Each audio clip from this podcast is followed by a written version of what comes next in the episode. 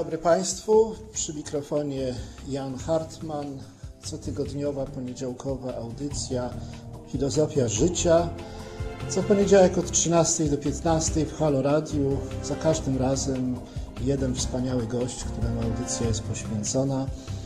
Dzisiaj wyjątkowo mówię do Państwa e, z zagranicy, z Majorki, z Hiszpanii, a i nasz gość jest wyjątkowy pośród wyjątkowych. Będzie nim pan profesor Jacek Leociak. A kim on jest i e, dlaczego jest wyjątkowy, to powiem Państwu za chwilę.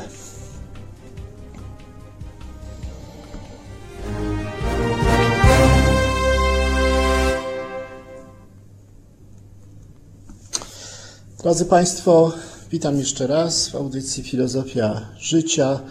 Tam gdzieś daleko ode mnie w Warszawie jest gotów na rozmowę z nami e, pan profesor Jacek Leociak. E, pozwólcie Państwo, że spędzę 2-3 minuty na przedstawianiu tej osoby, ponieważ nie jest ona powszechnie znana, ale jest bardzo znana w środowiskach humanistów, w środowiskach żydowskich, w środowiskach działaczy społecznych, w środowiskach e, wrażliwych na drażliwe często tematy polsko-żydowskie. E, może tę prezentację zacznę od tego, że w odróżnieniu od bardzo wielu osób, które zajmują się stosunkami polsko-żydowskimi e, i historią polskich Żydów, historią Holokaustu, e, profesor Leociak nie jest Żydem. I na pewno będę go o to pytał. To jest w tym wszystkim bardzo ważne, że jako młody człowiek, mieszkaniec dzielnicy Muranów, gdzie podczas wojny znajdowało się getto dla Żydów, tworzone przez Niemców. Jako młody człowiek tak się przejął tym miejscem i losem ludzi, którzy tam wcześniej żyli i tam y, zginęli, y, że te sprawy stały się jego profesją. Y, bardziej formalnie prezentując Jacka, pana profesora, chciałem powiedzieć przede wszystkim, że jest on związany z Polską Akademię Nauk, z Centrum Badań nad Zagładą Żydów, a także z Instytutem Badań Literackich. Pan y, wykłada również na Uniwersytecie Warszawskim. Jest też ważną postacią Muzeum Historii Żydów Polskich Polin, y, gdzie współtworzył wystawę poświęconą, stałą ekspozycję poświęconą zagładzie, czyli tę część ekspozycji, która dotyczy zagłady. Również jest współtwórcą aktualnej wystawy, do której odwiedzenia Państwa zachęcam. E, wystawy poświęconej historii e, Muranowa. Zdaje się, że już w tej chwili jest pełny dostęp do Polin i do tej wystawy, więc zachęcam Państwa do, do odwiedzin. E, o tym, czym się zajmuje profesor Leociak, w szczegółach zaraz się dowiemy. Jacku, jeszcze Cię nie słyszałem, mam nadzieję, że za chwilę usłyszę Twój Twój głos. E, witam, witam drogi Janie i witam wszystkich Państwa przed, e, przed e, odbiornikami. Cieszę się, że Cię dobrze słyszymy. Jesteśmy od Ciebie bardzo daleko, ale te cudowne urządzenia nas perfekcyjnie łączą. Miejmy nadzieję, że tak zostanie. Jacku, pierwsze pytanie do Ciebie, bo to jest audycja o Tobie. Pewnie nie jesteś tak bardzo przyzwyczajony do tego, że występujesz no w mediach, e, które, gdzie pytają cię o, o, o, o ciebie. E, e, więc pierwsze pytanie dotyczy ciebie bardzo osobiście, dotyczy twojej młodości. Zafrafowało mnie to, co mówisz, między innymi w swoim wywiadzie opublikowanym w dzisiejszym Newsweeku, no, o, o, tych początkach.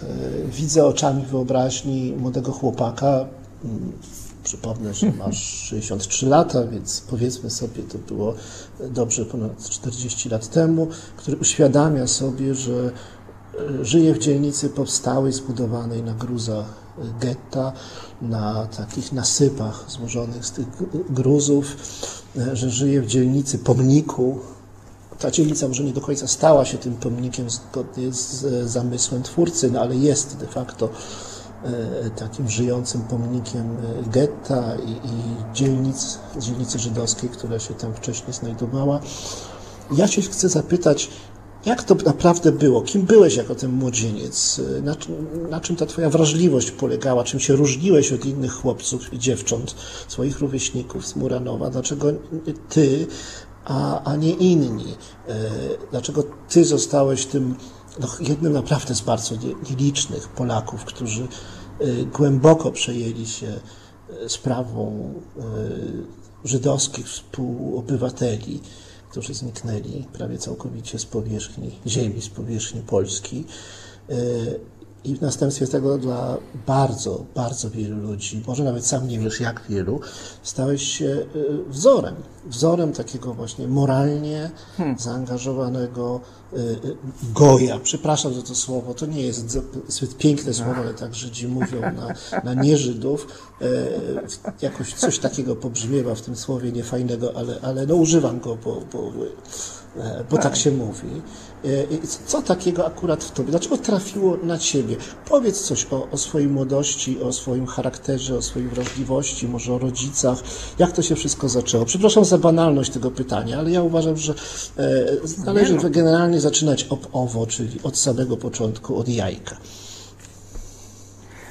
No to jest fundamentalne pytanie i wcale nie banalne. Na, naprawdę, rzeczywiście to jest początek, prawda? I ten początek zawsze wyznacza później drogę. Nawet jakbyśmy e, się oszukiwali, że sami sobie coś tam, e, e prawda, planujemy, to jednak coś w nas jest takiego od tego samego początku, co co nas, co nas określa po prostu. Ale ja bym chciał wrócić do tego, co powiedziałeś na początku, że, że tutaj ja jestem, znaczy pokazałeś mnie w takim momencie iluminacji pewnej, prawda, że oto ja się orientuję, dowiaduję, że gdzie, gdzie mieszkam, tak. no ale, ale to było, ja, ja, ja miałem, ja byłem wtedy jak pamiętam, no na granicy, e, nie wiem, czwartej klasy liceum, prawda, coś takiego, czyli już byłem dość, dość duży, że tak powiem ale nie zgodziłbym się z tym, co mówiłeś, że ja jakoś, jakiś byłem taki wyjątkowy tam na tym Muranowie. No, byłem dokładnie taki sam chłopak, jak wszyscy inni, no ci ludzie z sąsiedztwa, ci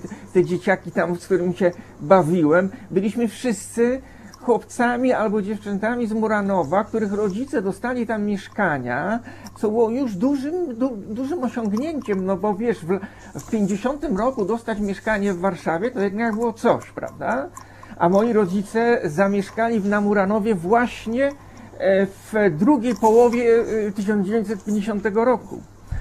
E, I ja naprawdę niczym się nie różniłem i myślę, że warto dwa zdania powiedzieć o tym okresie, kiedy Muranów dla mnie nie istniał jako jakiekolwiek miejsce związane z jakimś wydarzeniem, z, jakąś, e, z jakimś dramatem, z jakąś katastrofą. Nie, to było moje miejsce, jakby wiesz, no, y, to była ojczyzna domowa, jak ja to mówię. No, to, było, to, było, to była ta przestrzeń najbliższa, podwórka. E, e, piaskownicy i, i tak dalej, w której się mieściłem, uważałem za naturalną absolutnie, niczego mi tam nie brakowało i byłem u siebie, a to, że bawiąc się e, nagle nie mogłem wygrzebać jakąś łyżkę tam spod ziemi płytko zakopaną albo coś podobnego, jakieś rzeczy tam się ujawniały, to dla mnie było też zupełnie naturalne. No. E, I w ogóle nie, nie problematyzowałem tego i nie pytałem się, skąd to się tam bierze. Tak samo jak nie pytałem się, skąd e, na, e, w mojej szkole podstawowej na Esperanto 234 imienia Juliana Tuwima boisko ziemne, na którym graliśmy w piłę, biegaliśmy, ścigaliśmy się, jest tak właściwie to, to, to jest ziemia, to, jest, to są takie sprasowane gruzy przysypane ziemią, więc jak się tam człowiek przewrócił, no to natychmiast masakrował sobie nogi, prawda? Ja się tego denerwowałem, dlaczego w takim idiotycznym miejscu zrobiono to boisko, wiesz? Więc to był ten mój horyzont e, świadomości. To był taki czas utajony, powiedziałbym, naprawdę, czas utajony, że coś się działo w środku, coś było pod ziemią, czego ja kompletnie, z czego ja kompletnie nie zdawałem sobie sprawy. E, I żyliśmy tak razem, obok, obok. Był ten świat podziemny, tak bym to powiedział, który się w ogóle nie ujawniał. I ja, który to, co jest na powierzchni, traktowałem jako coś absolutnie oczywistego. No i nagle coś takiego się wydarzyło. Ja już o tym wielokrotnie mówiłem, ale, ale to rzeczywiście jest, no, zakrawa na jakiś, na jakiś taki, ja wiem, na jakiś znak taki, no nie wiem, jakąś, jakąś, jakąś epifanię. Ja wracałem z y, Teatru Powszechnego, ze spektaklu o rozmowie z Katem, y, który zrobił Zygmunt Hibner w Teatrze Powszechnym. E, I, I jak wracałem po tym spektaklu, no naładowany tymi tyradami Sztropa, prawda, bo Strop siedzi e, z Moczarskim, e, opowiadają o, o, o getcie, opowiadają o powstaniu przede wszystkim w getcie. I kiedy ja tam wracałem sobie, a autobus 111 przywiózł mnie prosto spod Teatru Powszechnego do, do domu, bo, bo ja mieszkałem wtedy na Anielewicza, na, przy pętli 111, i kiedy zacząłem, i kiedy wjechałem w ten Muranów i, i zobaczyłem te tabliczki takie, po prostu tabliczki z nazwami ulic, była Nowolipki, Zamenhofa, i ja sobie uświadomiłem, że przecież o tych ulicach oni tam mówili w tym teatrze cały czas. I naprawdę to był taki moment, kiedy zdałem sobie sprawę, gdzie mieszkam. To, tak, ale wiesz, to, to jest jeszcze mało, bo y, myśmy no, wszyscy czytali w szkole, czytali w szkole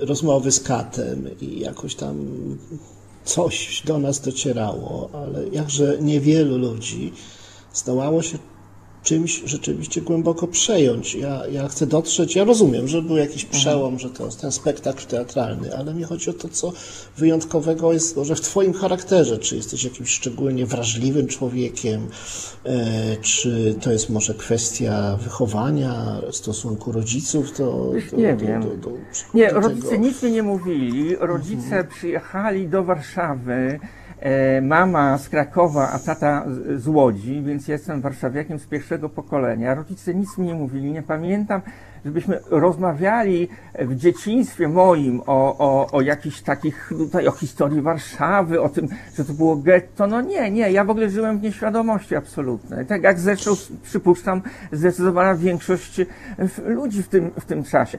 I muszę Ci powiedzieć, że to nie była, to nie był jakiś szybki proces, wiesz, po, tych, po tej epifanii, tak to troszeczkę żartobliwie e, e, określmy, ja sobie też żyłem, no, po, po, poszedłem na studia, na, polonistykę, wcale nie byłem jakiś, jakiś to, to jeszcze nie był ten czas, to bardzo wolno dojrzewało, mhm. naprawdę wolno dojrzewało i muszę Ci powiedzieć, jeśli już tak mnie wyciągasz na takie bardzo osobiste czy wręcz intymne zwierzenia, to jeszcze o czymś y, y, powiem.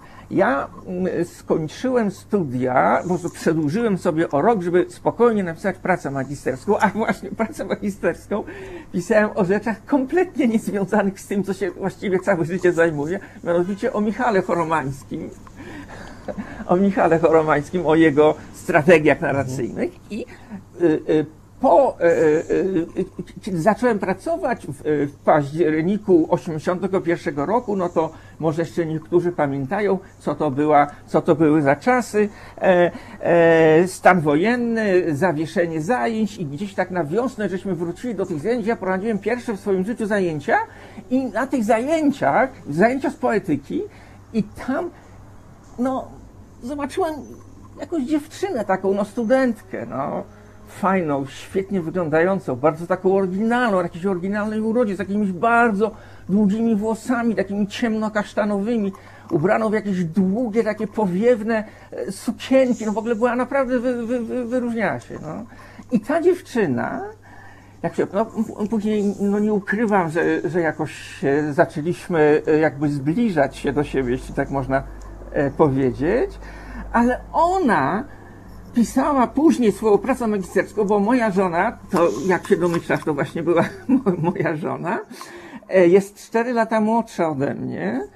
I jak my się poznaliśmy, y, no to tak po roku, dwóch, no ona już y, y, kończyła studia i pisała pracę magisterską. Wiesz o czym pisała pracę magisterską? Bez jakiegokolwiek mojego, e, wiesz, e, moich sugestii. Ona pisała pracę o dziennikach dzieci, z getta łódzkiego i e, warszawskiego, opartą na absolutnie tylko wyłącznie na materiałach archiwalnych, chodziła do Żichu, wtedy, kiedy właściwie nikt do Żyku nie chodził, e, e, chodziła po, tych, po tym archiwum, które wyglądało jak powieści jakiejś, wiesz, dystopijnej, bo to stosy jakiś półnek, żarówka na drucie wisząca, no w ogóle wiesz, no to, to, to, to jak, nie wiem, no po prostu jak z jakiegoś też ekspresjonistycznego filmu z lat dwudziestych.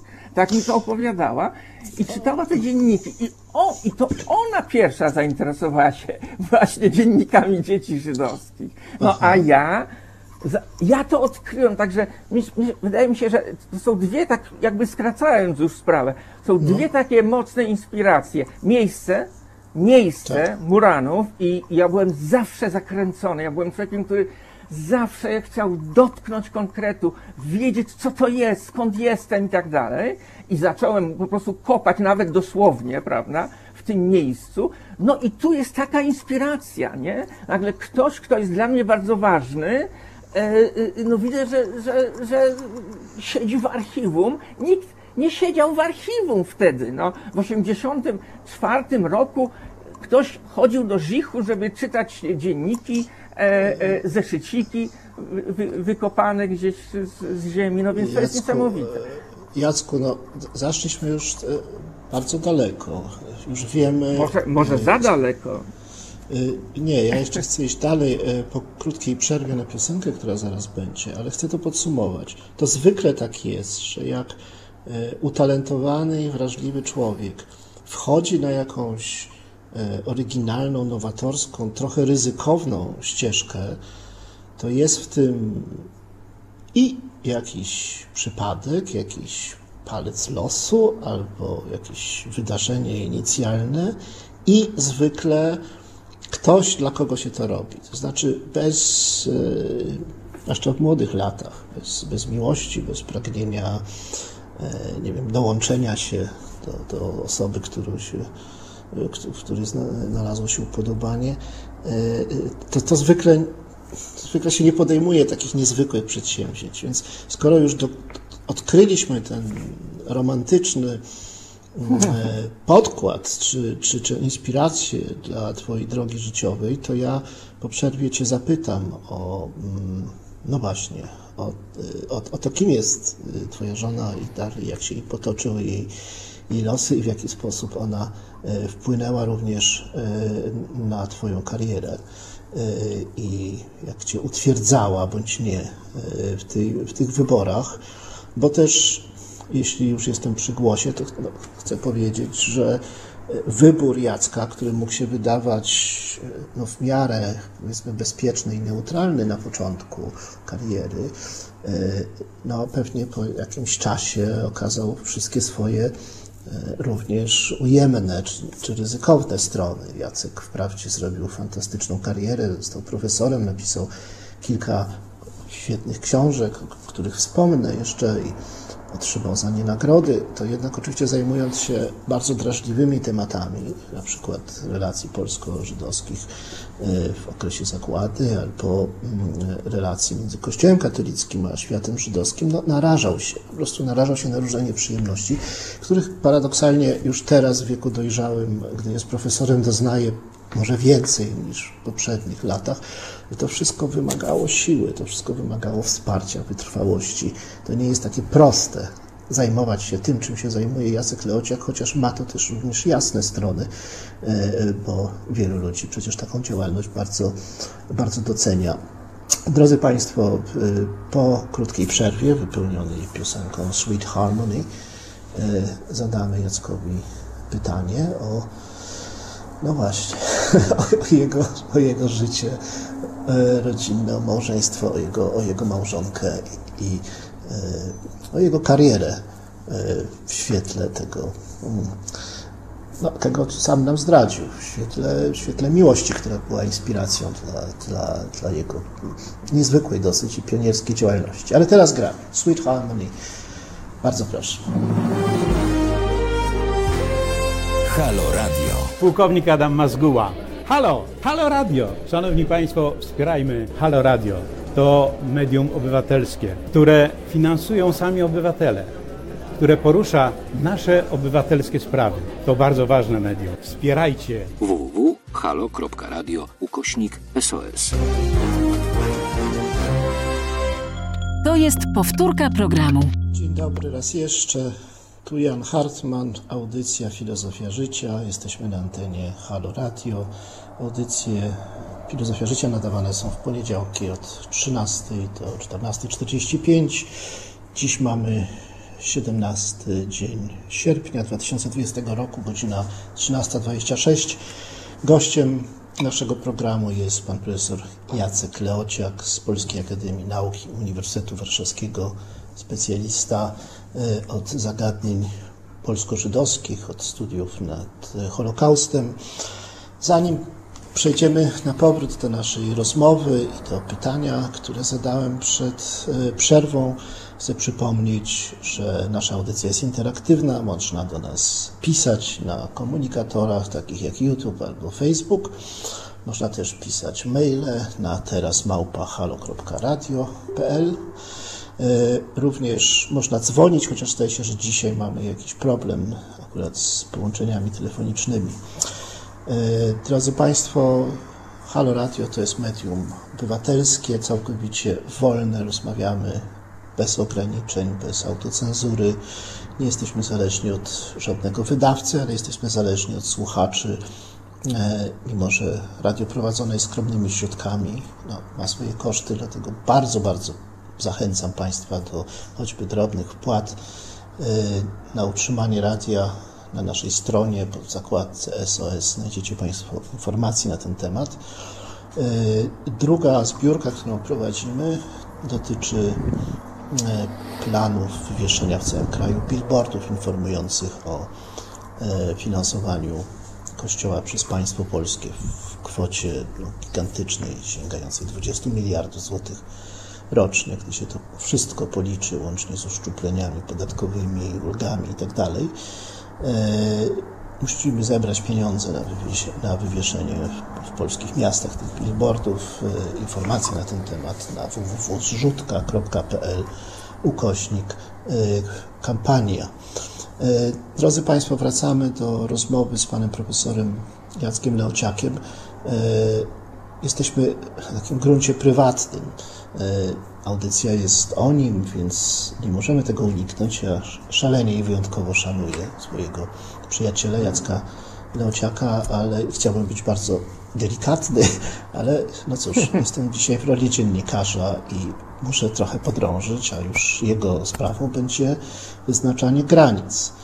Dowiedzieliśmy się, że stał się, kim się stał, trochę tak, y, jak to bywa w, no, z wyjątkowymi ludźmi, pod wpływem fascynacji, pod wpływem miłości dla swojej żony, która była pierwszą, e, która zajmowała się sprawami żydowskimi i on, zdaje się, poszedł jej śladem. Będę chciał się dowiedzieć czegoś więcej o tym, e, o tym, jak w ogóle się taką ryzykowną i nietypową karierę akademicką, szerzej kulturową, publicystyczną buduje, e, no, wspierając się na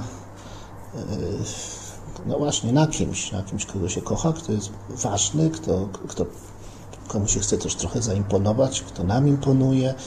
E, a więc, no cóż, miłość i kariera małżeństwo i, i, i, kariera.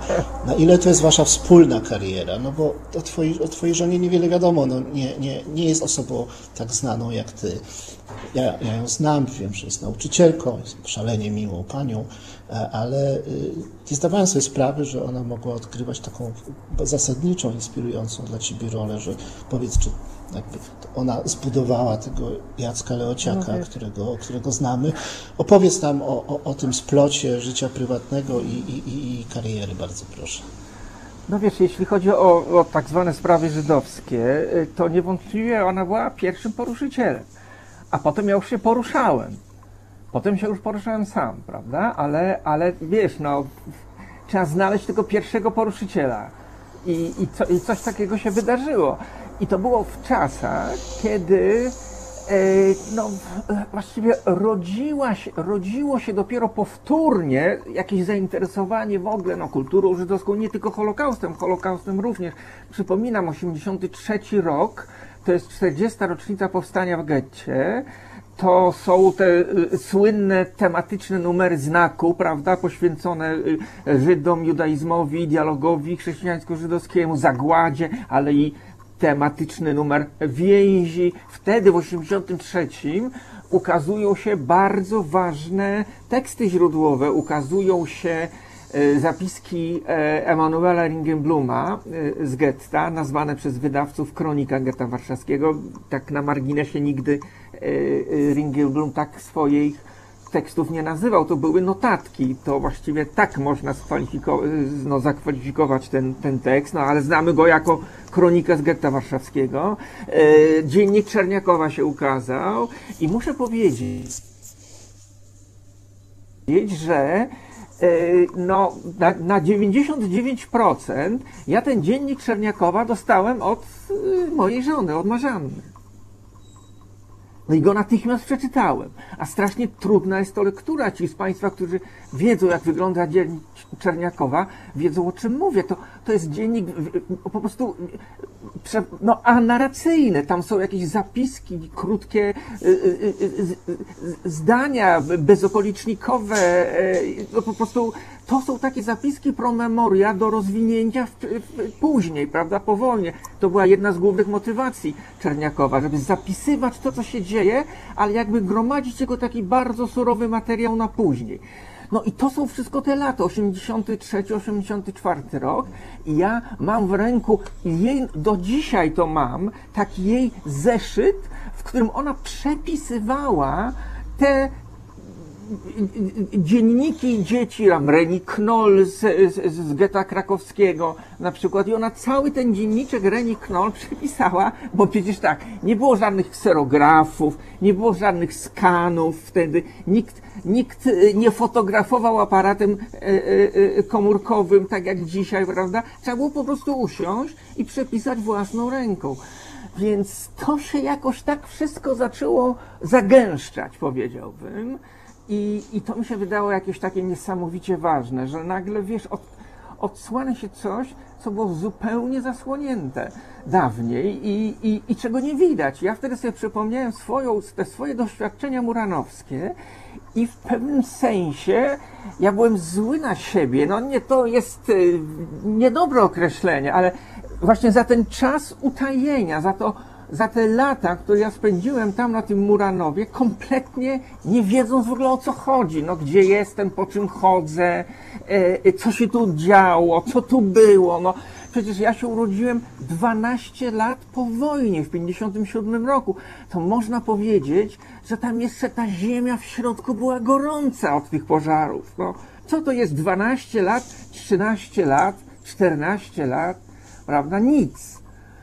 E, a tak jakby się kontynent zapadł, wiesz, tak jakby się to wszystko, albo jak wrzucasz kamień do wody i on najpierw robi jakiś taki, prawda, plusk, a potem się woda bardzo szybko uspokaja i tak jakby w ogóle nikt nigdy żadnego kamienia nie wrzucał. I tak jak mogę zrekonstruować swoje jakieś ówczesne, nie wiem, myślenie i emocje przede wszystkim, bo to się bardzo wiąże, myślenie, emocje nawzajem napędzające się, no to właśnie wiesz, coś mi takiego się e, e, e, jakby stało, że ja, że ja zobaczyłem po pierwsze, że, że po prostu poruszam się po, po, po miejscu, którego w ogóle nie znam, no. A, a które wydawało mi się, że znam i, i, i jest to moje rodzinne miejsce. Wydawało mi się, że ja tam każdy kamień znam. A to jest nieprawda. To jest nieprawda. I po drugie, nagle wiesz, ta, ta, ci, ci ludzie zaczęli wychodzić, wiesz, z tych kartek, e, e, z tych dzienników, e, z tych zapisków. I to się wszystko dzieje tu, tu, tu, gdzie ja żyję od samego początku i, i gdzie nie ma żadnego potem śladu. I to mnie zdenerwowało może. No nie wiem, ja w ogóle jestem człowiekiem emocjonalnym i, i, i, i tak się potrafię zapalić i, w ogóle no, te emocje są dla mnie ważne. Jak będziemy mieli jeszcze czas, to chciałbym do emocji wrócić i do pracy naukowej i emocji. Wiesz, to, to, to mi się wydaje interesujący temat, ale, ale no wiesz, y, y, y, szukasz takiego punktu, takiego momentu, to ja mówię, że było kilka takich momentów, prawda, które mnie pchnęły na tą drogę, e, e, e, na której jestem, prawda? Jest ta fascynacja tą dziewczyną, która nagle, wiesz, no, czyta pamiętniki dzieci żydowskich. Ja w ogóle sobie nie uświadomiłem, że jest jakiś żik, że są jakieś pamiętniki w tym żyku, wiesz, no. To się, a ona tam siedzi i czyta. Dlaczego?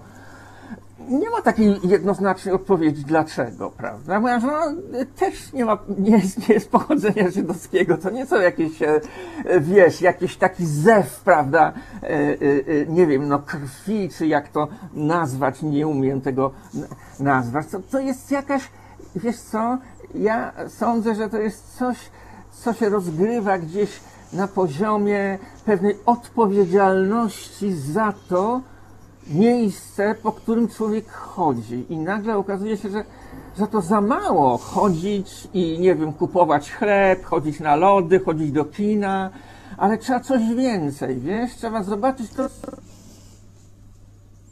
to jest pod spodem.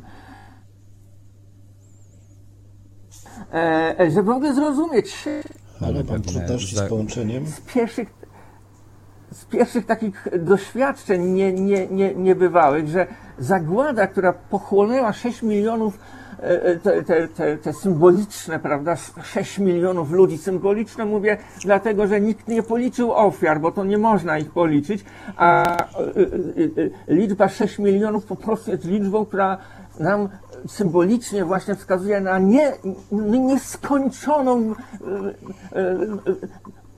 wielość tych ofiar, masę, to, że ta zagłada, która zmiotła ludzi, zostawiła papier, wiesz?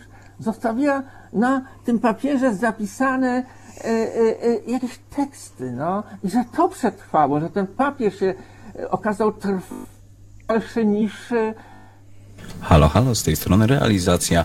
Ze względu na delikatne problemy techniczne z internetem poleci teraz Lady Marmalade, La Halo? i zapraszam za 3 minuty. Halo Radio.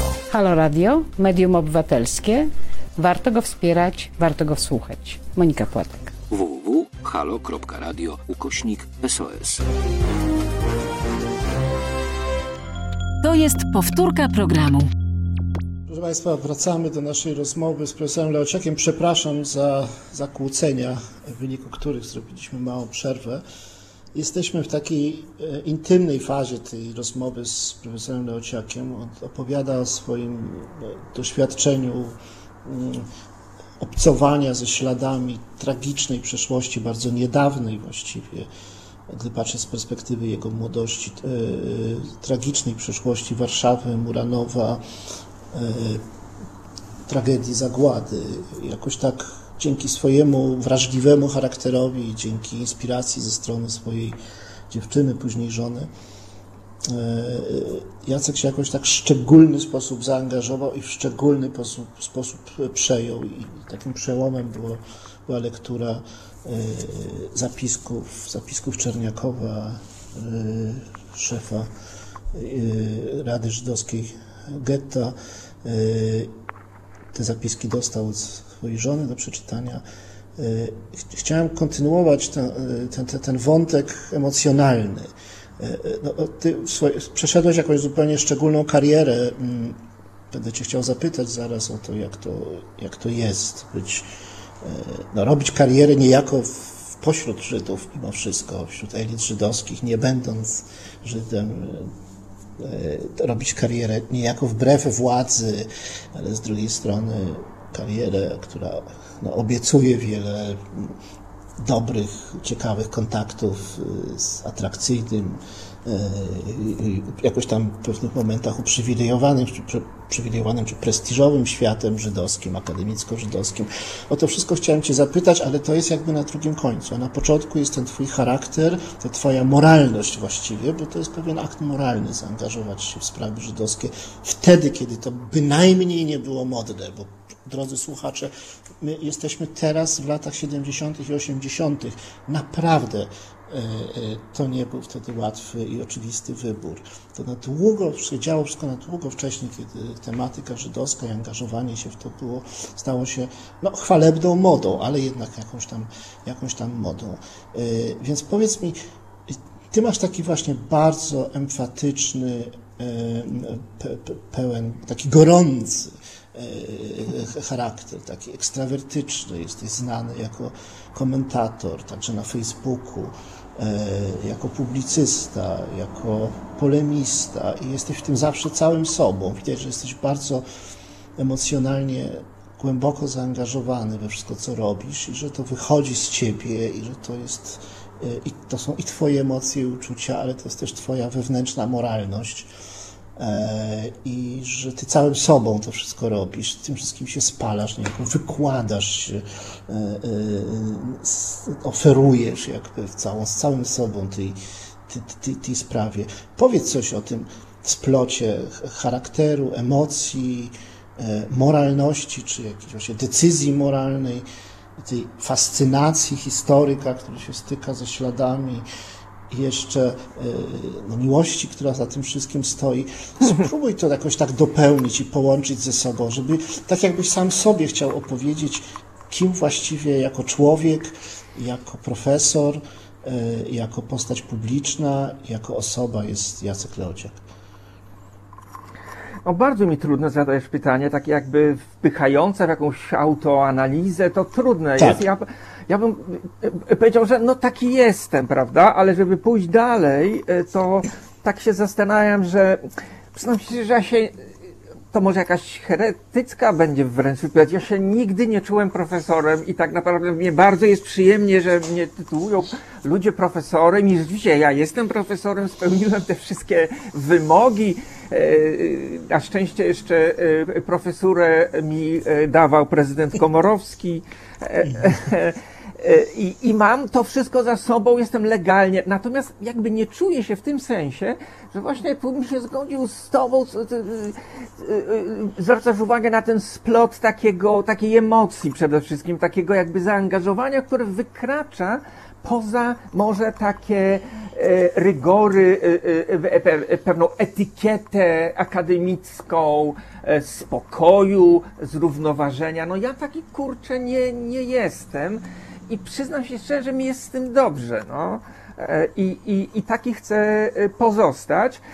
I właśnie ta gorąca taka, taka, taki gorący kontakt ze światem, to jest to, co mnie związało e, z, e, no, z tym, co robię zawodowo, profesjonalnie. Chcę to robić jak najbardziej profesjonalnie i staram się przestrzegać wszelkich rygorów, prawda, pracy naukowej, metodologicznych, faktograficznych, no po prostu robię coś naprawdę porządnie. Chcę to robić porządnie, a nie uprawiać jakiegoś, wiesz, jakichś, jakichś tam li, lirycznych em, e, e, eksklamacji, prawda? Natomiast e, bez tej liryczności i bez tej emocji tak naprawdę nie wyobrażam sobie e, pracy i przede wszystkim nie wyobrażam sobie, że mógłbym robić to, co, e, co robię, bo nie wiem, czy to się e, jakby za, zapisało, czy to już e, nasza rozmowa była przez te zakłócenia przerwana, ale ja powiedziałem coś, co ewentualnie jeszcze gotowy jestem powtórzyć, że e, takim, wydaje mi się, zasadniczym momentem, kiedy ja już wiedziałem, że e, po prostu będę się zajmował zagładą, Żydami, spotkaniami Polaków i Żydów, przede wszystkim w czasie, w czasie zagłady. Tym zasadniczym momentem to było jakieś poczucie odpowiedzialności. To jest coś w rodzaju e, pewnego zobowiązania i to może strasznie jakoś też kiczowato może brzmi, no i, i, i e, proszę w takim razie mi wybaczyć, ale ale coś takiego, no tu jesteśmy na bardzo takim intymnym poziomie rozmowy. Ja naprawdę mówię to, co y, myślę w tej chwili, ale przede wszystkim to, co czuję. I przypominam sobie, że jest coś, było coś w rodzaju takiego zobowiązania. Bo ja po prostu byłem zły na siebie, że ja tak długo nie wiedziałem, gdzie jestem. I to mnie, i to mnie pchnęło. No, e, to, to, ja powiedziałem, że to trzeba od- odrobić, no to trzeba jakoś to zmienić. No ja muszę wiedzieć, e, e, gdzie ja jestem, prawda?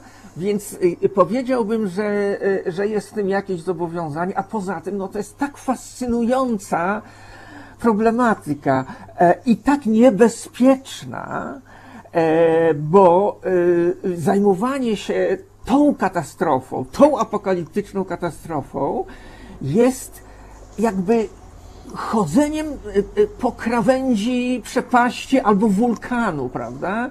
Można spaść i spłonąć, i również można spłonąć w znaczeniu e, jakby oddać się takiemu perwersyjnemu zachwytowi, czy takiej przyjemności perwersyjnej, prawda? Grzebania się w czymś strasznym. E, Jest to niebezpieczeństwo i, i, i zdaję sobie z tego, z tego sprawę, ale właśnie to, że zajmuje się czymś, co jest niebezpieczne, ale jeszcze nie w tym znaczeniu politycznym, prawda, o którym wspominałeś i że to jest jakby wbrew pewnym, pewnej, pewnej e, narracji e, e, partyjno-państwowej, że to się spotyka z, jakimś, z jakimś e, e, oporem, nienawiścią, prawda, i tak dalej to nie to niebezpieczeństwo jest najgorsze. Najgorsze jest to, że się spalimy, bo y, jeśli. No tak, zagłada nas niczego nie uczy, oczywiście. Absurdem jest myślenie o tym, że zagłada e, e, to jest jakąś lekcją dla ludzkości. Zagłada jest straszliwym brzemieniem, które jeśli cokolwiek znaczy, to znaczy tylko to, że człowiek nie jest w stanie zatrzymać zła i że jest zły po prostu, że jest zły. I ten pesymizm jest też wyzwaniem, bo e, jestem przeciwny takiemu postmodernistycznemu zachwycaniu się tą pustką, empo, e, wiesz, aporią, e, niemożnością wyrazu, milczeniem, że już nic nie możemy powiedzieć, że to po prostu jest, jest, jest całopalenie sensu, jak pisał Maurice Blanchot w swojej książce Pisanie katastrofy. I że w ogóle stoimy, to jest jakaś z kolei jakaś ekstaza taka mistyczna, która straszliwie zakłamuje doświadczenie zagłady, bo ci ludzie, którzy byli ofiarami tej zagłady i ci, którzy zdołali to świadectwo swoje ocalić sami, płonąc w tym ogniu zagłady. Jeśli teraz trzymam to świadectwo w ręku, to ja nie mogę powiedzieć, że to jest jakieś całopalenie sensu, że ja muszę milczeć, bo nie, ja po prostu muszę to czytać, dlatego, że jestem odpowiedzialny wobec nich, bo oni piszą wprost do mnie, piszemy to po to, żeby te przyszłe pokolenia wiedziały, co się stało, żeby one to wiedziały, żeby usłyszały, no, żeby usłyszało nas głos. To jest bardzo głęboko biblijne przecież e, e, przeświadczenie. Ta krew musi wołać, prawda? Nie można tego wołania e, zagłuszać. No. I, i to jest taki splot, wiesz, to są bardzo ważne sprawy i takie ryzykowne, powiedziałbym. I, i, I myślę, że to jest niezwykle ważne, co powiedziałeś w wielu aspektach. E, e, Przede wszystkim to ryzyko egzaltacji, e, to poruszanie się na krawędzi egzaltacji, która przecież jest wywołana przez ten sam aparat psychiczny, przez te same emocje, które umożliwiają kulturalne, etyczne i umiarkowane, a jednocześnie zaangażowane zajmowanie się tym, czym zajmować się przecież musimy. E, I ja Ci jestem szalenie wdzięczny osobiście za to, że testujesz te granice, rozpoznajesz bojem, dając niejako innym przykład i też pole do tego, aby po swojemu mogli wejść w tę szalenie ryzykowną etycznie problematykę. Ryzykowną właśnie między innymi dlatego, że łatwo popaść tutaj w powierzchowność, w egzaltację, albo z drugiej strony w taki e, mistycyzm, e, który e, usprawiedliwia e, bierność, usprawiedliwia milczenie i jest wbrew pozorom nie sposobem uszanowania ofiar, ale zamykania im ust czy zatrzaskiwania sarkofagu. I to jest wspaniałe, że ty Tak. to robisz w sposób tak e, naturalny i, e, jakby poświęcasz swoje emocje temu, bierzesz na siebie ryzyko nawet tego, że nie będziesz przez wszystkich zawsze traktowany wystarczająco, e, wystarczającym szacunkiem, jako nobliwy profesor, że jakby nie dbasz o to, że nie to jest dla ciebie najważniejsze, nie ta opinia statycznego akademika. Dlatego chciałem ci zadać pytanie teraz w kontekście tego, co powiedziałeś. Masz wielu naśladowców, jest wielu, ty tego może nie wiesz, ale jest wielu ludzi dwudziestoparo, trzydziestoparoletnich, dla których jesteś wielkim autorytetem e, i ci ludzie często mają problem, w jaki sposób dawać wyraz swojemu wzruszeniu czy bólowi z powodu tego, że miała miejsce zakłada, e, niezależnie od tego, czy e, dotyczy to ich osobiście, ich przodków, czy nie. E, I obawiają się kiczu, obawiają się egzaltacji, obawiają się naruszenia nakazu ciszy, obawiają się banału, nieustannego powtarzania, że to się nie może powtórzyć i tak dalej. E, No ale przecież e, to są ludzie dobrej woli, którzy jakoś po swojemu chcą w ten czy inny sposób uczestniczyć w upamiętnianiu i samej zagłady, i świata żydowskiego. Czy mógłbyś coś powiedzieć do tych, wprost, do tych kilkuset pewnie w Polsce młodych ludzi, którzy na pewno tej audycji w podcaście albo wysłuchają, albo teraz słuchają, coś, co by im dodało otuchy i, i jakby ułatwiało poradzi, poradzenie sobie z tym skrępowaniem, że e, jakby podstawiają te łapki tam, gdzie e, kują konie, że to jakby trochę krępujące nie dla nich, że, że, że nie mają nic do powiedzenia, że nie wiedzą co powiedzieć, że, że mówią banały, e, bo ja akurat tych ludzi szalenie szanuję.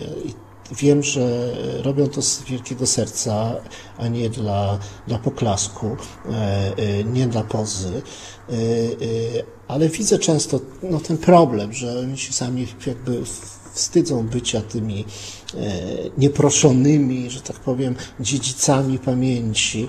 E, Nie każdy jest profesorem, nie każdy ma takie zaplecze i może to wszystko robić z taką głębią e, e, i zrozumieniem jak ty. Powiedz coś do tych ludzi, którzy nie tylko gadają, że nigdy nie wolno zapominać, ale rzeczywiście nie zapominają, pamiętają, chcieliby coś robić, e, ale no, odczuwają skrępowanie z powodu powagi tej, e, e, tej materii.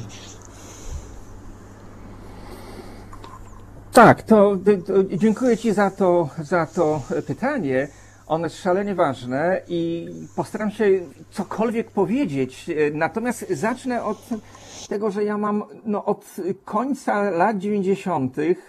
no właśnie stały kontakt ze studentami. Ja, nie, ja pracowałem na uniwersytecie do 96 roku potem już e, pracowałem w Instytucie Badań Literackich, no ale mam konwersatoria, e, mam seminaria e, magisterskie, także z tymi ludźmi młodymi właśnie, o których mówisz, mam kontakt i e, widzę dokładnie to, co o tym, y, to, to, tą pewną taką, to pewne, y, to te, Onieśmielenie. takie, takie poczucie onieśmielenia, o właśnie, to, to, tego słowa mi zabrakło, ale jednocześnie bardzo dobrze widać e, jakieś, jakieś też w nich, znaczy coś, co bym nazwał autentyzmem. I teraz jak można poznać taki autentyzm?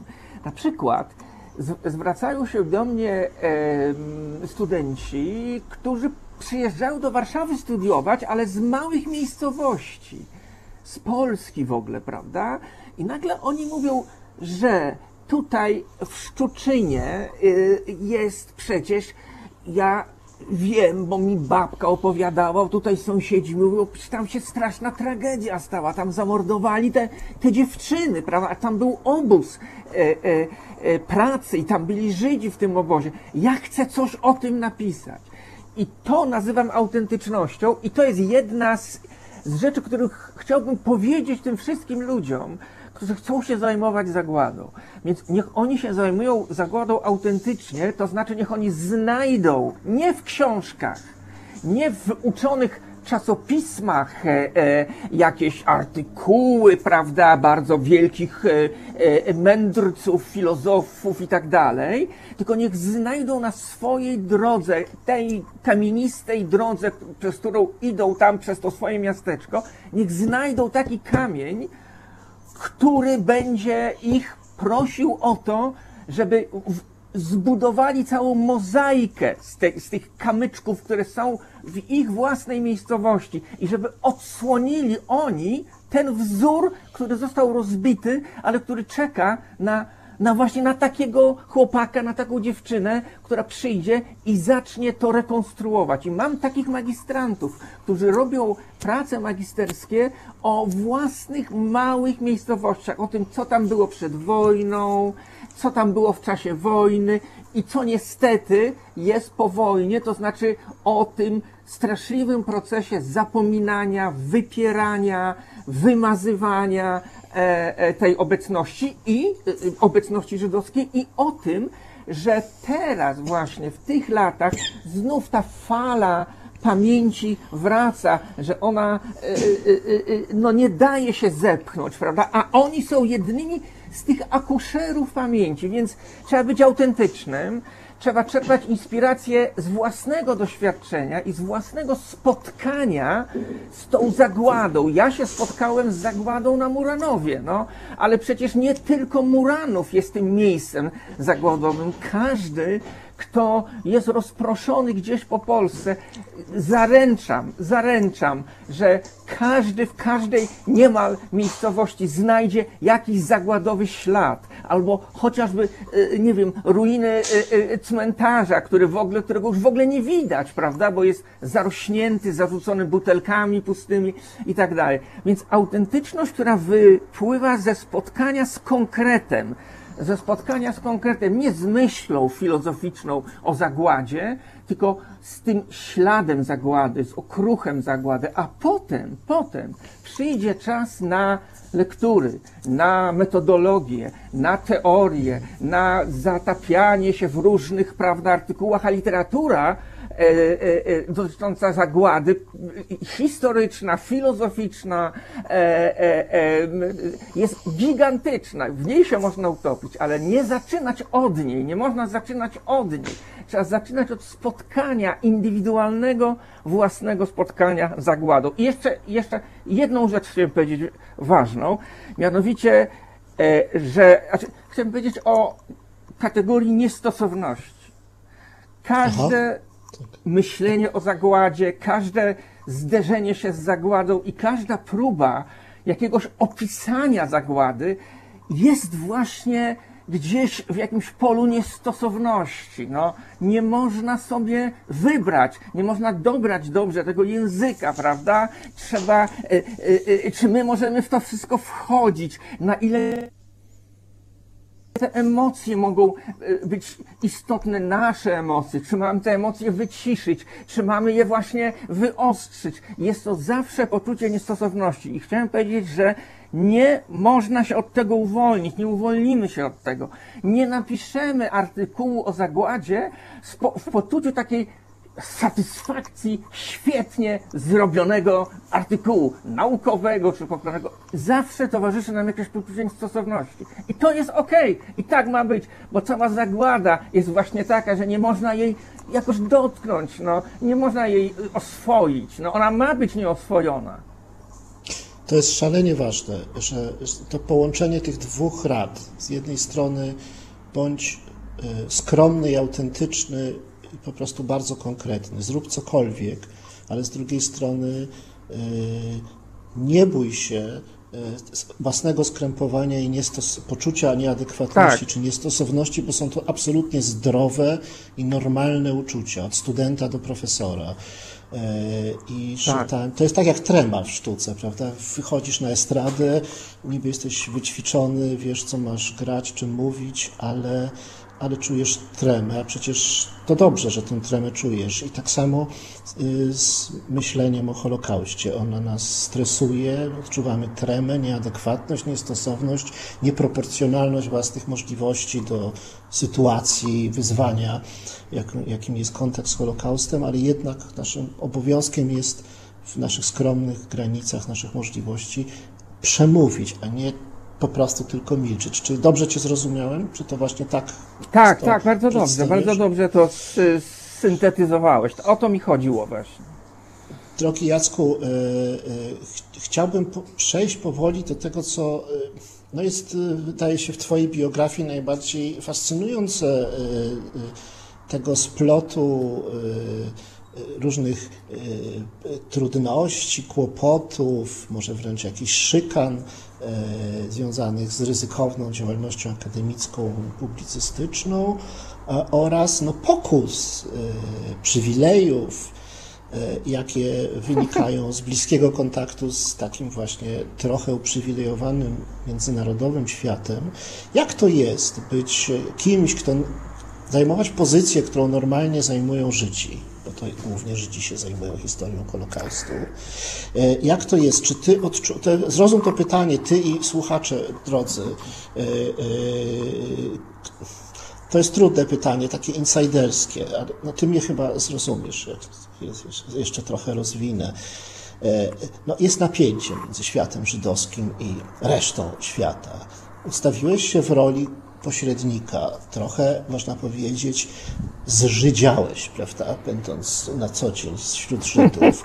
Z, e, e, z drugiej strony jesteś, no po tamtej stronie wywodzisz się z tego świata nieżydowskiego, E, musisz jakoś negocjować. E, twój świat jest ten naturalny, jest chrześcijański, jest katolicki, jest w bardzo dużej części antysemicki.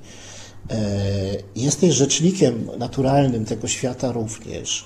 Jesteś jakoś pomiędzy. To jest rola trudna, w której trzeba być bardzo świadomym. Można być negocjatorem, można być emisariuszem, można być zdrajcą, można być zdrajcą podwójnym, można być podwójnym agentem. Y, mam nadzieję, że zrozumiałeś to pytanie, tak. więc bardzo Cię proszę o odpowiedź. Jeśli agentem, to już powiedziałbym za Deborą Fogel, że jestem agentem e, idei, ale mówiąc e, poważnie, a jeszcze zanim powiem e, poważnie po prostu, to muszę taką anegdotę przytoczyć, która w jakiś sposób odpowiada na te twoje pytania teraz. Co to znaczy? Jak to być pomiędzy, prawda? Jak to być jak to, jak to jest, jak się nie jest Żydem, a zajmuje się Żydami i się kontaktuje ze środowiskiem żydowskim, czy akademickim, czy, czy, czy, czy literackim, bo ja mam bardzo dużo przyjaciół e, wśród y, y, polskich Żydów z Izraela, którzy w różnym czasie się znaleźli w, nawet jeszcze w Palestynie mandatowej, a potem już w Izraelu. Są pisarzami, całe takie środowisko E, e, e, sporo ludzi stamtąd znam i dawno temu, gdzieś tak właśnie, ja wiem, w końcu lat 90., wielokrotnie w ogóle bywałem w Izraelu na ich zaproszenia, mówiłem, różne spotkania, tak? I na jednym z takich spotkań Miriam Akawia, która jest w Polsce dość znaną pisarką, prawda, krakowianką, piszącą właśnie o, o, o swoich doświadczeniach zagładowych, ale też o Krakowie przedwojennym. E, e, jakby replikowała na taką moją wypowiedź, która w ogóle się tam znalazła, nie wiem, sprowokowana, czy, czy, czy, czy jakoś tak nieprzygotowana przeze mnie, ale ja w pewnym momencie powiedziałem, e, no, no tak, proszę Państwa, ale ja nie jestem Żydem.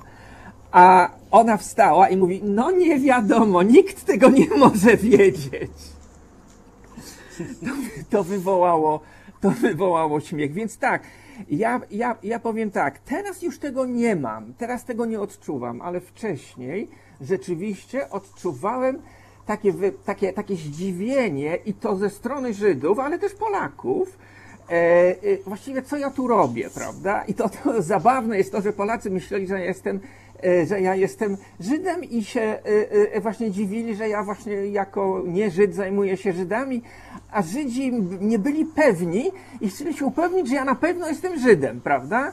No a kiedy mówiłem, że nie, no to też byli zdziwieni. To up upraszczam, ale, ale coś takiego było. Teraz zupełnie tego nie odczuwam. E, nie wiem, zmieniła się moja pozycja, może no, w każdym razie nie, nie, nie, nie odczuwam tego typu zdziwienia, natomiast odczuwam inne e, e, zdziwienie, które jest bardzo charakterystyczne też, prawda? Pytają się ludzie, ale dlaczego pan się zajmuje Holokaustem? No nie mnie tylko, prawda? Ludzi, których się, którzy, którzy, się zajmują Holokaustem, takie pytania spotykają, no. I, I teraz, no, jak na to odpowiedzieć? My tu przez godzinę już staramy się na to pytanie odpowiedzieć, prawda? Więc to nie jest taka, taka, taka łatwa odpowiedź, ale zastanawiałem się zawsze, dlaczego nikt na przykład mediewisty nie zapyta się, dlaczego pan się średniowieczem zajmuje? No bo no to jest ciekawa epoka, no nie wiem, bo taka, no, prawda? To e, zajmowanie się Holokaustem jest zawsze czymś innym niż zajmowanie się e, jakimiś innymi tam e, e, problemami, tematami, czy, e, czy coś takiego, prawda? Ale wracając jeszcze do, do tego właśnie bycia na granicy, czy bycia pomiędzy, czy bycia w jakimś takim, w takim przejściu, prawda, w bramie, to jest bardzo dobra pozycja. Ja jestem bardzo zadowolony, że, że, że jestem właśnie w takim przejściu, wiesz, to, to mi daje e, jakiś e, e, no, impuls poznawczy, naprawdę. I ja, wi- ja więcej widzę. Wiesz? Bo ja jestem jakby z zewnątrz dla obu stron w pewnym, w pewnym sensie. Czy potrafię się tak ustawić, trochę będąc z zewnątrz, prawda? Z zewnątrz patrzę na, e, e, na tą jakby polską mentalność, z zewnątrz patrzę na, na żydowską mentalność, z ze- z zewnątrz staram się patrzeć na polską historię i na tę narrację o polskiej historii, na to, jak się opowiada historię, na coś takiego, co się nazywa tożsamością, a do końca nie wiemy tak naprawdę, co to, co to znaczy. I polską, i żydowską, i to wszystko się dla mnie e, e, jakby rozgrywa właśnie w jakimś polu napięć, a ja nie jestem włączony jednoznacznie do, do, do jednego bieguna, prawda? Ro- Rozumiesz, o co, o co, o co mi chodzi? O, oczywiście, Nie tylko, jestem tylko nie wiem, czy się czujesz wyobcowany czasem, czy zawsze... stronie. Ja Nie. rozumiem. Znaczy, Pośredniczenie- jeśli, wyobcowa- jeśli wyobcowany, tak, ale jeśli wyobcowany się czuję, to z polskości raczej. z polskości. Nie mam A to tym bardziej muszę nie, ci zadać Nie mam pyt- doświadczenia żydowskiego. Ja- Ja to muszę bardzo, Nie mam bardzo doświadczenia trudne. żydowskiego e. Rozumiem, ale muszę ci bardzo trudne pytanie zadać. Znaczy, bardzo wielu No, polskich same trudne mi zadajesz. Bardzo wielu polskich inteligentów, w tym ja sam, przeżywa takie bolesne, na wpół zdradzieckie poczucie rozczarowania polskością, zmęczenia polskością, która została tak, tak bardzo zbrukana przez, przez nacjonalizm, przez taki, taką ciasnotę intelektualną, przez frustrację, ksenofobię i tak dalej, tak bardzo zawłaszczona przez szeroko rozumiany fanatyzm i faszyzm, e, e, że e, popadamy, no właśnie, w ten rodzaj takiego wyobcowania, które, e, kt- które jest szalenie niekomfortowe, no bo jesteśmy Polakami, polskimi patriotami, a jednocześnie jesteśmy tak bardzo, jesteśmy chorzy na Polskę, a tak bardzo też tą Polską zrozczarowani i zmęczeni. I teraz w tw- z Twojej pozycji, w Twojej sytuacji, to musi być coś zupełnie szczególnego. Dlatego, że Ty, jak piorunochron, musisz zbierać na siebie no, e, gromy rzucane przez antysemitów. Jest, jesteś właściwie praktycznie w takiej samej pozycji jak żydowski autor. Na pewno antysemityzm Cię dotyka. E, Z drugiej strony, jako Polak, także etniczny Polak, musisz się poczuwać jakoś do, no nie wiem, nie, nie solidarności, ale jakiegoś obowiązku rozumienia katolików. Jako osoba głęboko angażująca się w świat żydowski, musisz rozumieć religijność Żydów i w jaki sposób ją akceptować. E, A przecież będąc ofiarą antysemickiej nagonki, człowiekiem szalenie światłym, angażującym się odważnie także w antyklerykalizm, w krytykę Kościoła, jako znawca też stosunków kościelno-żydowskich, no, no musisz brać na siebie to, że będziesz innym mówił e, o, e, o, o złu, które się na styku Kościoła i żydostwa dokonało, ale także o złu samego Kościoła jako takiego i o złu tych doktryn, które za tym stoją. A przecież ty musisz być wobec religijności lojalny, no, bo, bo w żydostwie religijność jest czymś fundamentalnym, w polskości właściwie też. Jak ty sobie z tym, z tym radzisz, z, tą, no, e, z tym resentymentem, który musi być wpisany w twoją aktywność, e, z antysemityzmem, który musi cię jakoś dotykać, z tym wszystkim, co jest złe po stronie polskości, ale też z tym wszystkim, co jest w oczywisty sposób również złe po stronie żydowskiej, co jest powodem tego, że e, e, Żydzi są, są nielubiani. Jak sobie z tym, jak ty w ogóle możesz znosić tyle tego wszystkiego naraz? Bo jakbyś był żydowskim intelektualistą, to byś, że tak powiem, urodził się wielbłądem i sobie to niósł całe życie, bo taka twoja natura. Ale ty jesteś polskim intelektualistą. I to jest niesamowite. Jak ty to wszystko znosisz? No wiesz co, no, no po prostu trzeba żyć i trzeba żyć świadomie i trzeba mówić to, co się myśli, a żeby myśleć, to trzeba tę myśl wykuć jakoś z tej rzeczywistości, więc nie można na nią zamykać oczu, a rzeczywistość jest strasznie skomplikowana. To wielu ludziom tak się wydaje, że właśnie ktoś powie, prawda, że jest tak i jest tak i już możemy być spokojni, możemy iść sobie na kanapę, leżeć albo oglądać telewizję. Tak nie jest, to my musimy wykuć tą naszą rzeczywistość z, tego, z, tej, z tej magmy takiej, bo to się wszystko przelewa. I to, co dla mnie jest trudniejsze, no to jest ta strona polska oczywiście, bo, no bo ja tam jestem związany, prawda? E, no jakby tymi, wiesz, no to są, to są moje korzenie, to są te nerwy, wiesz, to jest ta tkanka taka, no, to jest ciało, to jest jakaś somatyczna więź, prawda, etniczna, no, to jest taka, taka więź, prawda, bio, biologiczna, no. Nie chcę tutaj jakby otwierać drogi do, do jakichś perspektyw rasistowskich, ale, ale myślę o doświadczeniu cielesności po prostu. E, ja nie mam doświadczenia cielesności e, w takim sensie żydo, żydowskiego, prawda, ja mam to polskie doświadczenie.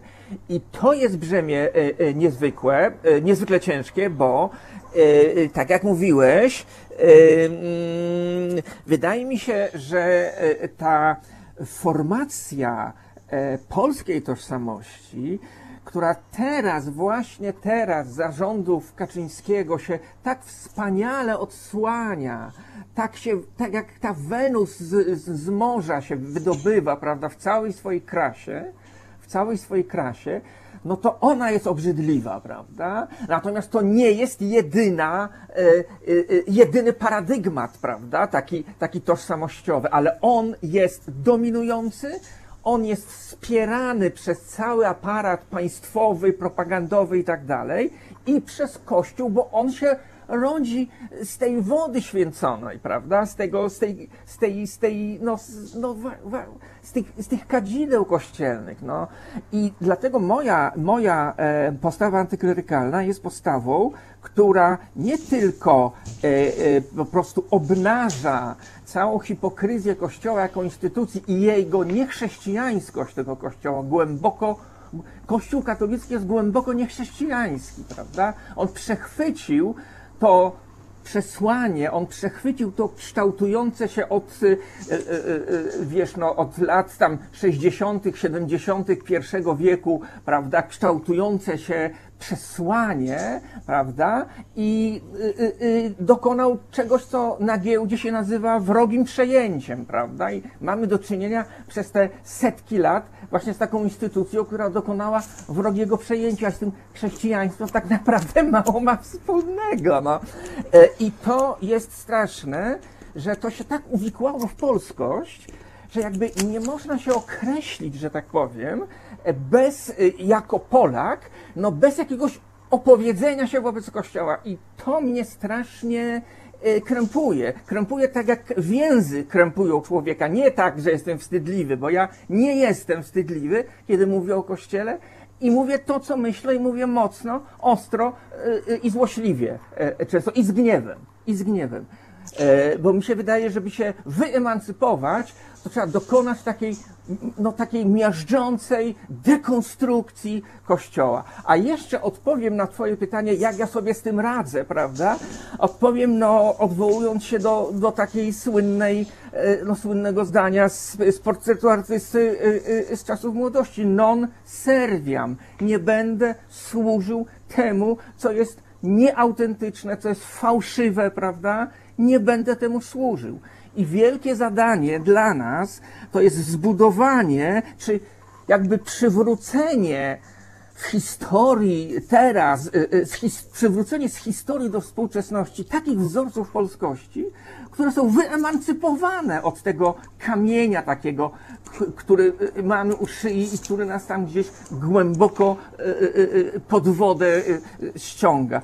I, i, i to może y, y, nam zapewnić krytyczne myślenie, odwaga krytycznego myślenia, prawda, a nie poddanie się jakąś aberracyjną sytuacją jest wielosetletnia taka praktyka oddawania się w macierzyńską niewolę Maryi. W ogóle ta kategoria niewoli, prawda, oddawania się w niewolę e, e, e, jest czymś niesamowitym, prawda. Z jednej strony podkreśla się taki wolnościowy etos polskiej kultury i w ogóle w historii, że kierowaliśmy się wolnością i tak dalej, a z drugiej strony co najmniej od potopu szwedzkiego, od tego nieszczęsnego Jana Kazimierza, no to oddajemy się w niewolę, nieustannie się oddajemy w niewolę, no. I Morawiecki oddaje w niewolę e, Polskę, Szumowski oddaje w niewolę służbę zdrowia, czeka. z tym trzeba walczyć, z tym trzeba walczyć, no. Jacku, zostawmy Morawieckiego, zostawmy ten,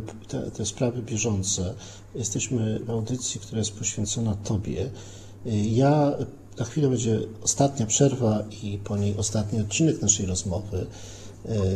Ja bym tak podsumował to, co powiedziałeś, czy raczej ocenił. Ja myślę, że e, taką nicią przewodnią Twojej aktywności jest e, uczciwość intelektualna podbudowana głębokim zaangażowaniem emocjonalnym, głęboką autentycznością. Autentyczność w emocjach, e, w miłości, wzruszeniu e, i odwaga cywilna, e, mówienie nie tylko tego, co się myśli, tylko tego, co trzeba, e, jako rzecz prawdziwą, sprawdzoną i słuszną, głośno powiedzieć. I chyba jesteś jedynym polskim profesorem, intelektualistą, który ma odwagę też mówić o Kościele, że on zasługuje na gniew. Nie, na, nie tylko na spokojną rozmowę i dialog, ale zasługuje po prostu na gniew z powodu tego, czym jest historycznie, jako taki, a nie tylko w swoich wypaczeniach. E, To wszystko jest szalenie wyjątkowe i szczególne, ale ty jako człowiek wyjątkowy i jak inni ludzie wyjątkowi nie masz o tym zielonego pojęcia. E, Proszę Państwa, nie powiem, e, jakie będzie ostatnie moje pytanie. E, Teraz wysłuch- wysłuchamy piosenki znanej już wszystkim Living Next Door to Alice Smokey. Do usłyszenia za kilka minut.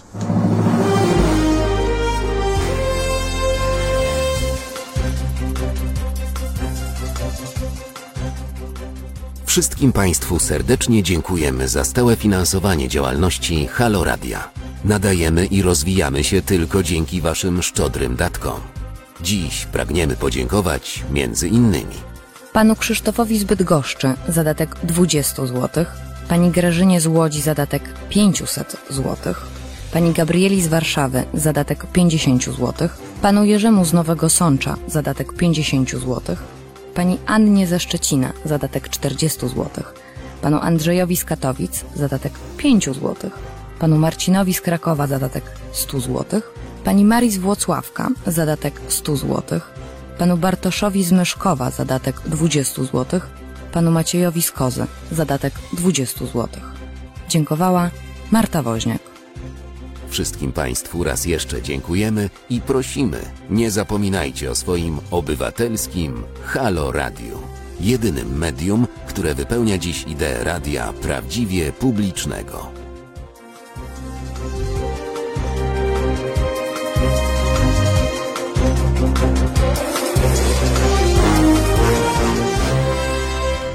To jest powtórka programu. Tu Jan Hartman, Filozofia Życia, cotygodniowy, poniedziałkowy program nadawany w Halo Radiu.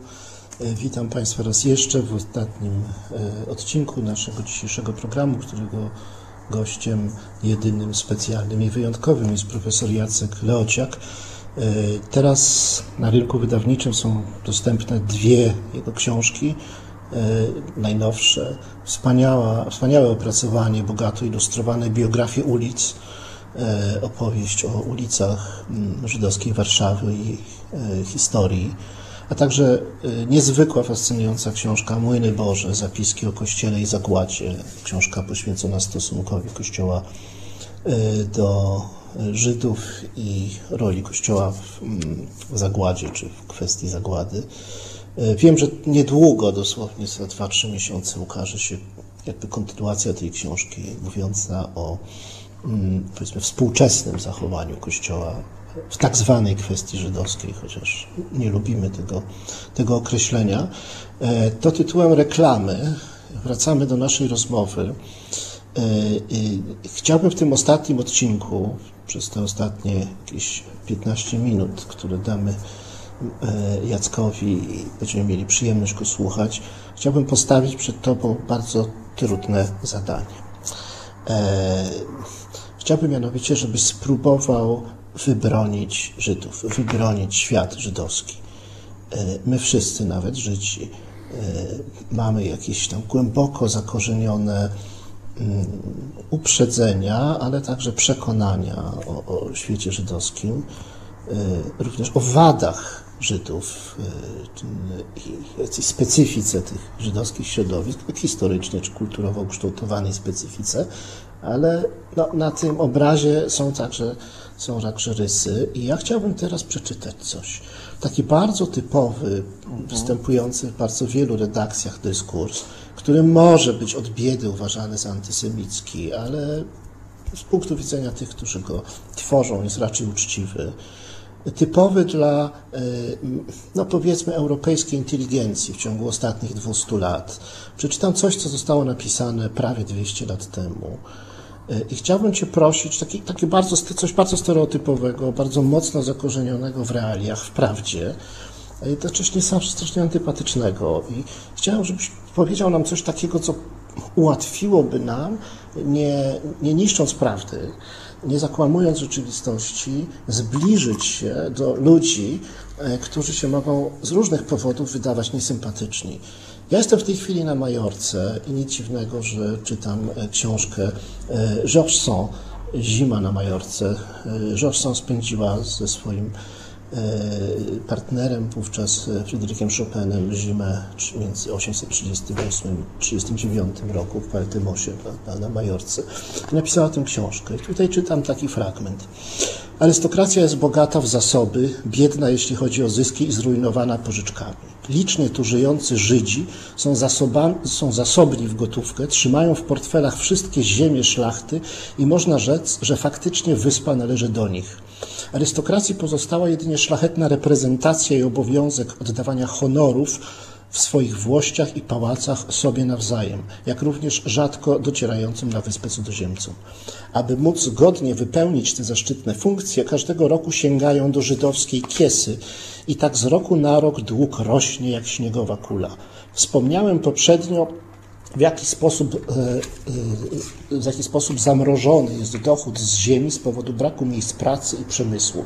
Jednak ci biedni arystokraci za punkt honoru stawiają sobie powolną i spokojną konsumpcję własnej ruiny, nie rezygnując z luksusu, albo raczej nieprzyzwoitego przepychu godnego ich przodków. Spekulanci znajdują się więc w stałej zależności od wzajemnych interesów z rolnikami, e, od których odbierają część opłat, a a to na podstawie przywilejów przyznanych im przez szlachtę. Tak więc chłop, który być może wychodzi na swoje przy tym podziale dóbr, płaci swojemu panu jak najmniej może, zaś bankierom jak najwięcej. Szlachcic jest zależny i zrezygnowany, Żyd nieugięty, lecz cierpliwy. Ustępuje, udaje wielką tolerancję, daje czas na spłatę, ponieważ stara się osiągnąć swój cel z iście diabelskim sprytem i tak dalej. Wiele takich tekstów czytaliśmy. Powiedz, czy co, możesz, co można powiedzieć na obronę e, tego merkantylnego do bólu żydowskiego świata? Co można zrobić, żeby Żydzi chociaż trochę się wydawali sympatyczniejsi i mniej obcy?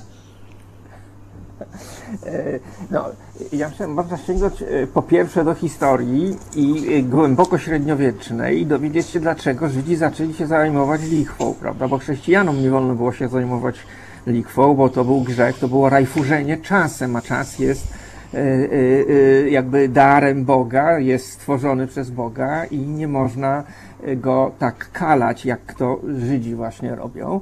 No więc od tego chyba poszła ta cała, e, to całe, to całe przeświadczenie, że właśnie Żydzi się zajmują jakąś taką diabelską e, działalnością, prawda? E, Natomiast z tej diabelskiej działalności lichwiarsko-bankierskiej, no wszyscy czerpali korzyści. Królowie, książęta, prawda? Bo zaciągali te kredyty u, u Żydów. I później gdzieś ja myślę, że w, e, e, właśnie w, tak po rewolucji francuskiej no, zaczął się tworzyć taki e, stereotyp który miał jakby paradoksalne, para, paradoksalną konstrukcję, bo z jednej strony Żyd był traktowany właśnie jako ten no, przysłowiowy właśnie kapitalista, bankier, e, e, który uciskuje tych, którzy tych pieniędzy nie mają, zdziera z nich ostatnie grosze za, za, za lichwiarski procent, ale z drugiej strony ten sam Żyd, ten sam Żyd, e, no, stawał się komunistą, e, e, prawda? Manifest komunistyczny to jest, jeśli się nie mylę, 1844 rok, prawda? Także niedaleko tych czasów, które, w których pisała e, Jean Sand ten fragment, który cytowałeś, prawda? Więc e, e, ta, e, e, połączenie tych, e, e, tych e, przeciwieństw, prawda, jedno pokazuje, że mamy do czynienia z pewną konstrukcją, a nie mm, rekonstrukcją, czy, czy, czy wiesz, no, opisem pewnego społecznego, e, e, pewnej społecznej rzeczywistości i funkcjonujących w niej różnych mechanizmów dotyczących właśnie tego, że ktoś musi pożyczyć pieniądze z banku, a ktoś mu te pieniądze musi, e, e, musi ofiarować. No, czy nie tyle ofiarować, co właśnie e, e, no, e, dać, na, dać na kredyt i, i, odebrać procent. No. Ja, ja ci powiem jeszcze, jeszcze jedną rzecz.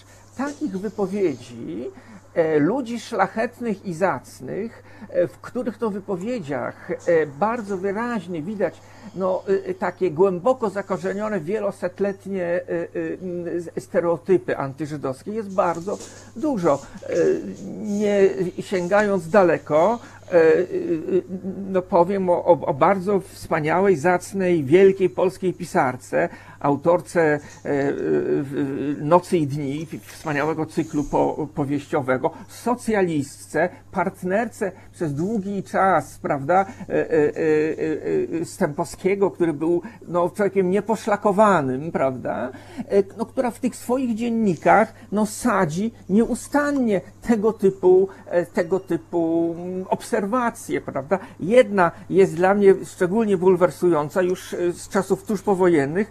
E, Dąbrowska jako wielki, wielka pisarka, ogromny au- autorytet, e, została e, zaproszona na kolaudację filmu Forda Ulica Graniczna.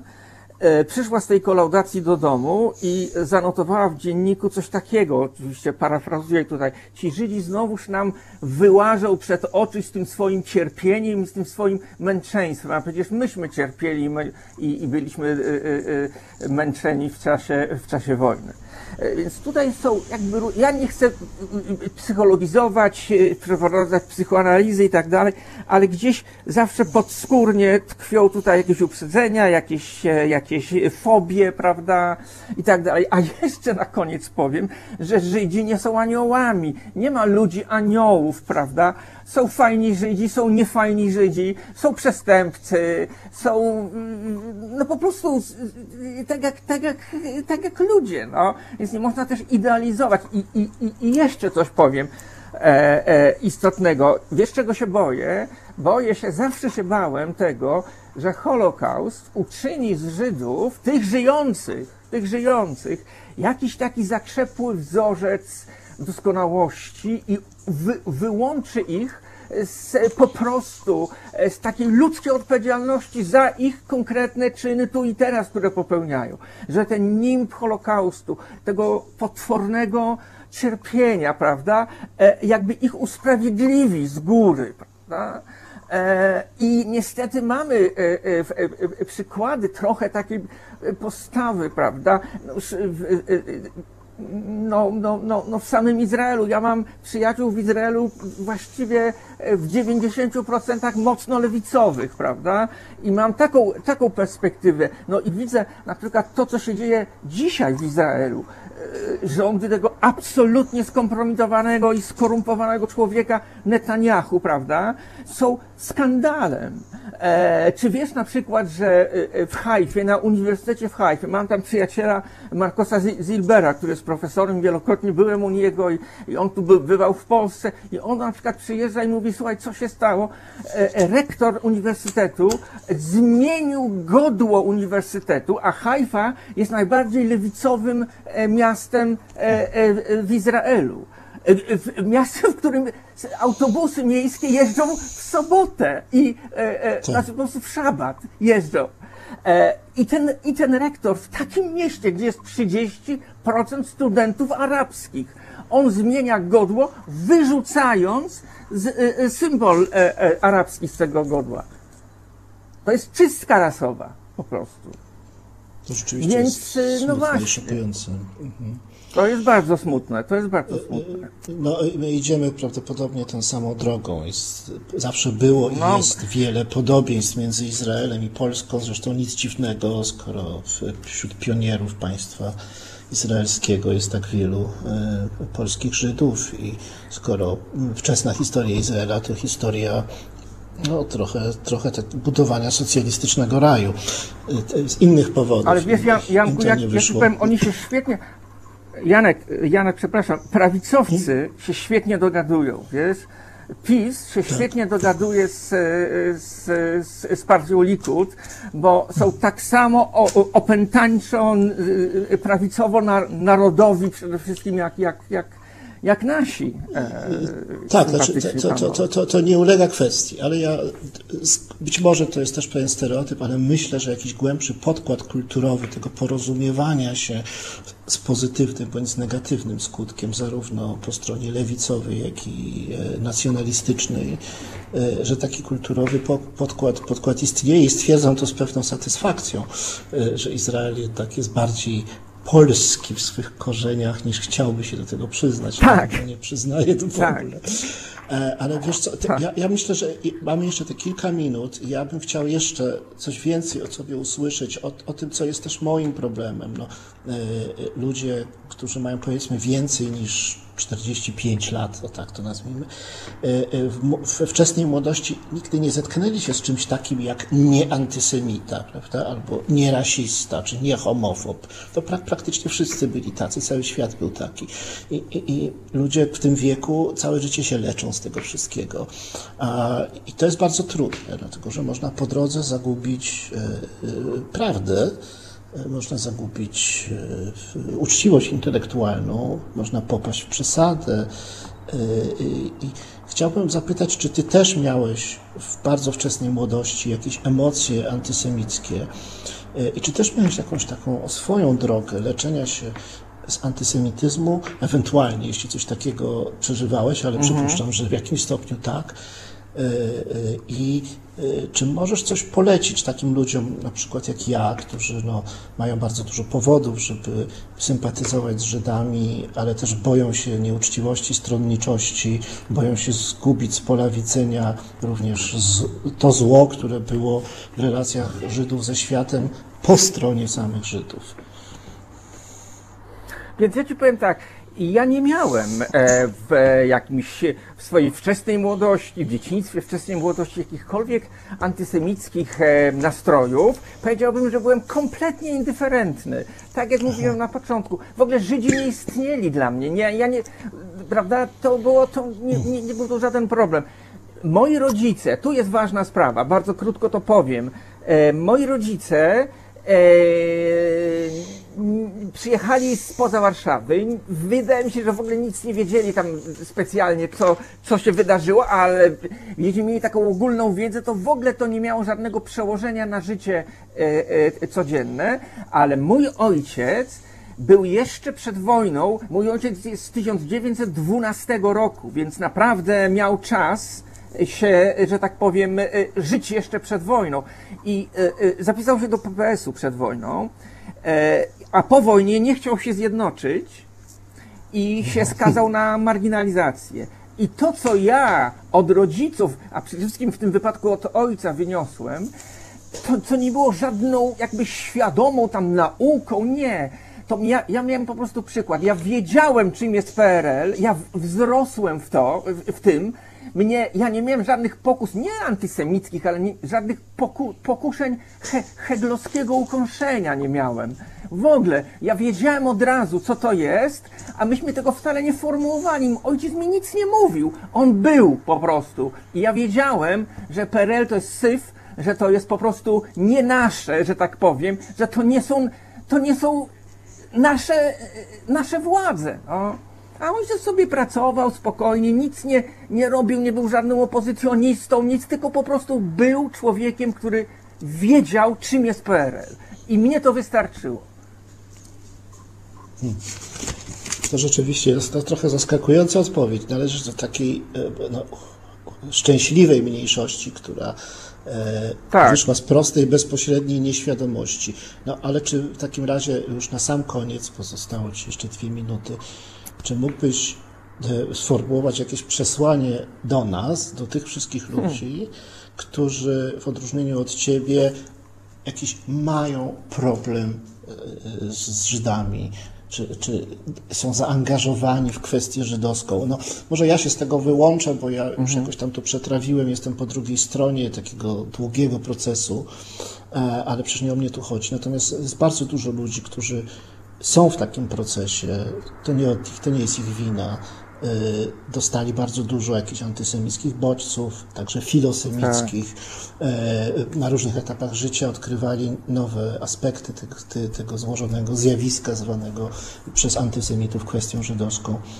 E, e, Czy możesz tym ludziom, zwłaszcza tej młodszej części tych, e, tej populacji wrażliwych ludzi mających z tym problem, coś powiedzieć? Jaka jest taka prawidłowa, dobra, uczciwa, intelektualna droga wychodzenia z antysemickich uprzedzeń w stronę zrównoważonej, wyważonej prawdy, w stronę e, powiedzmy umiarkowanej, stosownej życzliwości, e, bez ryzyka e, niestos- niestosownej egzaltacji czy jednostronności. E, e, Powiem trzy rzeczy. Są dwie drogi, które są komplementarne. E, e, Po pierwsze, e, e, trzeba poznać e, e, realnych ludzi. Nie Żydów papierowych w sensie e, e, e, figur na, narracji o Żydach, czy to będzie antysemicka, czy to będzie filosemicka narracja, ale taka papierowa, rozumiesz? Takie postacie, których my nie, nie możemy dotknąć poznać żywych ludzi. Ja poznałem bardzo wielu fajnych ludzi. Jedni byli bardziej fajni, drudzy byli mniej fajni, ale byli żywi, byli autentyczni. A po drugie, rzeczywiście jednak trzeba coś przeczytać, trzeba czegoś się nauczyć, bo my nie rodzimy się z jakąś wiedzą e, e, e, o, o, o Żydach i kulturze żydowskiej. Nie mówię, żeby studiować Encyklopedia Judaika, ale naprawdę teraz są dostępne naprawdę e, e, e, znakomite e, książki i, i można się dokształcić, żeby lepiej wiedzieć. E, Bo tylko to nas może uwolnić od jakiegoś stereotypu. Trzeba się wy, z tego wy, jakby wyrwać. No. Trzeba na własną rękę poznać. Tak jak mówiłem wcześniej, no dotknąć tej rzeczywistości. Coś z niej sobie wziąć, prawda? E, no i, i, i trzecia rzecz e, to jest to, że my musimy e, my musimy być wobec siebie uczciwi w, w, w relacjach międzyludzkich i zaufać temu, z kim się spotykamy. A zaufanie zawsze niesie za sobą ryzyko za, zawodu, prawda? I my możemy zostać, nie wiem, no, możemy, mo, możemy, to doświadczenie spotkania może być dla nas bolesne. Tak samo z każdym człowiekiem, również z, z, spotkanie z Żydem jest, może być zawodem, prawda? Bo Żydzi nie są jacy, jakimiś specjalnymi ludźmi, no, po prostu e, e, e, zupełnie innymi od wszystkich, no.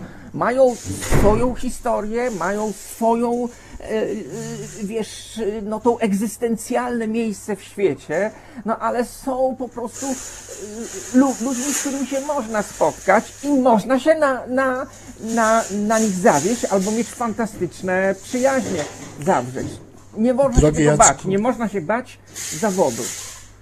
Drogi Jacku, dziękuję Ci za to przesłanie. Czasem najtrudniej być po prostu normalnym, nieuprzedzonym, naturalnym. Tak. E, e, ale to wiemy, dorośli ludzie to wiedzą. E, I trzeba się po prostu, trzeba po prostu spróbować. To wymaga pewnej uważności, to wymaga pewnej mobilizacji, to wymaga też pewnego samokrytycyzmu, i kontrolowania własnych, własnych emocji, własnej wyobraźni. E, Drodzy Państwo, gościem dzisiejszej audycji Filozofia Życia był pan profesor Jacek Leociak. Serdecznie dziękuję Tobie za poświęcony e, nam e, czas. Dziękuję wszystkim słuchaczom aktualnym i przyszłym za wysłuchanie tej audycji. Do widzenia. Ja też bardzo dziękuję i do widzenia.